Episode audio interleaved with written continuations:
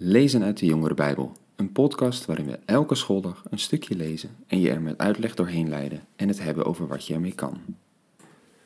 Dag leuke podcastluisteraars. Tof dat je weer luistert naar een nieuwe aflevering. Na die hoopvolle woorden van gisteren over hoe heel de schepping met ons erbij zucht en steunt, maar rijkhalsend uitkijkt naar dat mooie moment dat God beloofd heeft, die mooie toekomst. Na die woorden lezen we vandaag verder. Want ja, die belofte is mooi en die geeft kracht. Maar hoe gaan we nu verder als we er nu middenin zitten? Als het nu zwaar is? Als we zuchten? Ja, wat is dan het juiste om te doen? Wat is de juiste weg? Kijk, je kan wel weten dat het straks goed komt, maar wat moet je nu doen? Dat is, dat is lastig, dat blijft lastig. En daar gaat eigenlijk dit stukje ook over vanaf vers 26 in Romeinen 8. Daar staat: En bovendien komt de geest onze zwakheid te hulp. Wij weten immers niet wat we in ons gebed tegen God moeten zeggen. Maar de geest zelf pleit voor ons met woordeloze zuchten. God, die ons hart doorgrondt, weet dat we de, wat de geest wil zeggen. Want de geest pleit voor de heilige overeenkomstig Gods wil. En wij weten dat voor wie God liefhebben, voor wie volgens zijn voornemen geroepen zijn, alles bijdraagt aan het goede. Kijk, als we het moeilijk hebben, of als iemand ziek is, dan helpt het zeker om te weten eh, dat God weet wat hij doet, er zijn weg mee gaat. Maar wat moet je in die tussentijd? Wat moet je er nu mee? En wat moet je bidden? Ja, als iemand nou ziek is, moet je dan vragen aan God of diegene beter wordt?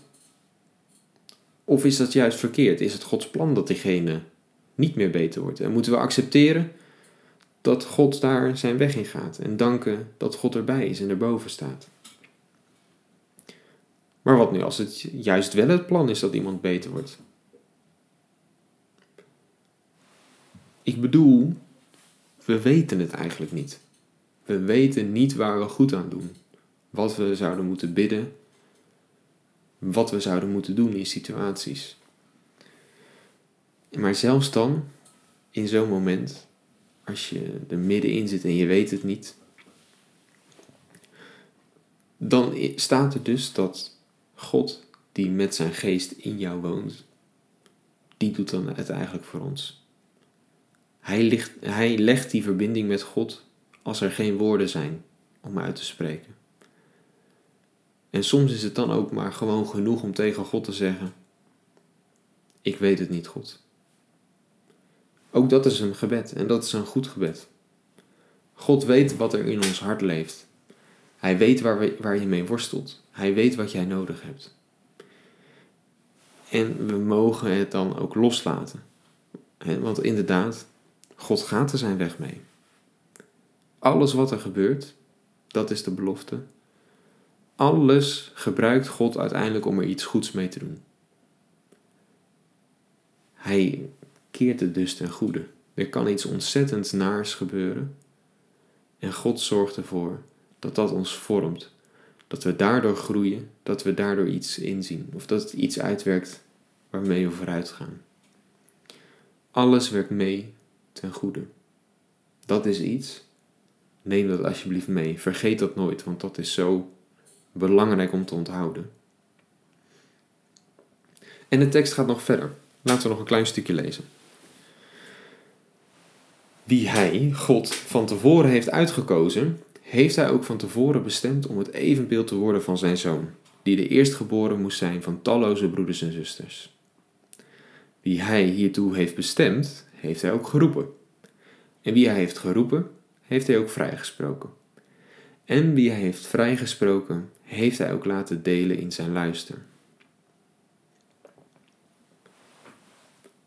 Hier gaat het eigenlijk over God die jou, die mij, voordat wij ook maar bestonden en geboren waren, al had uitgekozen.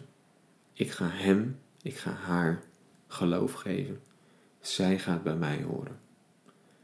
Van tevoren heeft hij ons uitgekozen en bestemd Hij heeft ons geroepen, vrijgesproken en hij laat ons delen in die mooie toekomst. God heeft dat allemaal gedaan. En er staat ook elke keer dat God het is die dat doet. Daar is vrij weinig van ons bij. Niets eigenlijk. Ja, waarom is dat belangrijk? Dat betekent namelijk dat als God het allemaal doet, dat het ook niet fout kan gaan. Je kan het niet kwijtraken, want God is degene die hier allemaal voor zorgt. Je hoeft dus niet bang te zijn dat je niet goed genoeg bent voor God, want God is met je bezig. Je hoeft niet heel hard je best te doen om bij Hem te mogen horen, want Hij geeft dat gewoon. Kijk, dat vind ik zo mooi. In de wereld moet je soms zo hard je best doen om bij een groep te mogen horen. Je moet leuk zijn, je moet de goede dingen zeggen, je moet doen wat de groep belangrijk vindt. En soms doe je zelf zo hard je best en word je niet geaccepteerd. En bij God is dat niet. Je hoeft niet te rennen, je hoeft niet je best te doen. Het is net zoals je vader. Je bent gewoon zijn kind en hij houdt onvoorwaardelijk voor, van je. Bij God, je hoeft er helemaal niet heel veel moeite te doen. Bij God mag je gewoon zijn. Je mag bij hem tot rust komen. Ik, ja, ik vind dat een heel mooi bericht. Een heel goed bericht. Een evangelie. Is dat niet iets wat je mag meenemen? Bij God mag je tot rust komen. Denk daar maar eens over na vandaag. En morgen lezen we het laatste stukje en eigenlijk wordt dat alleen nog maar mooier. Tot dan.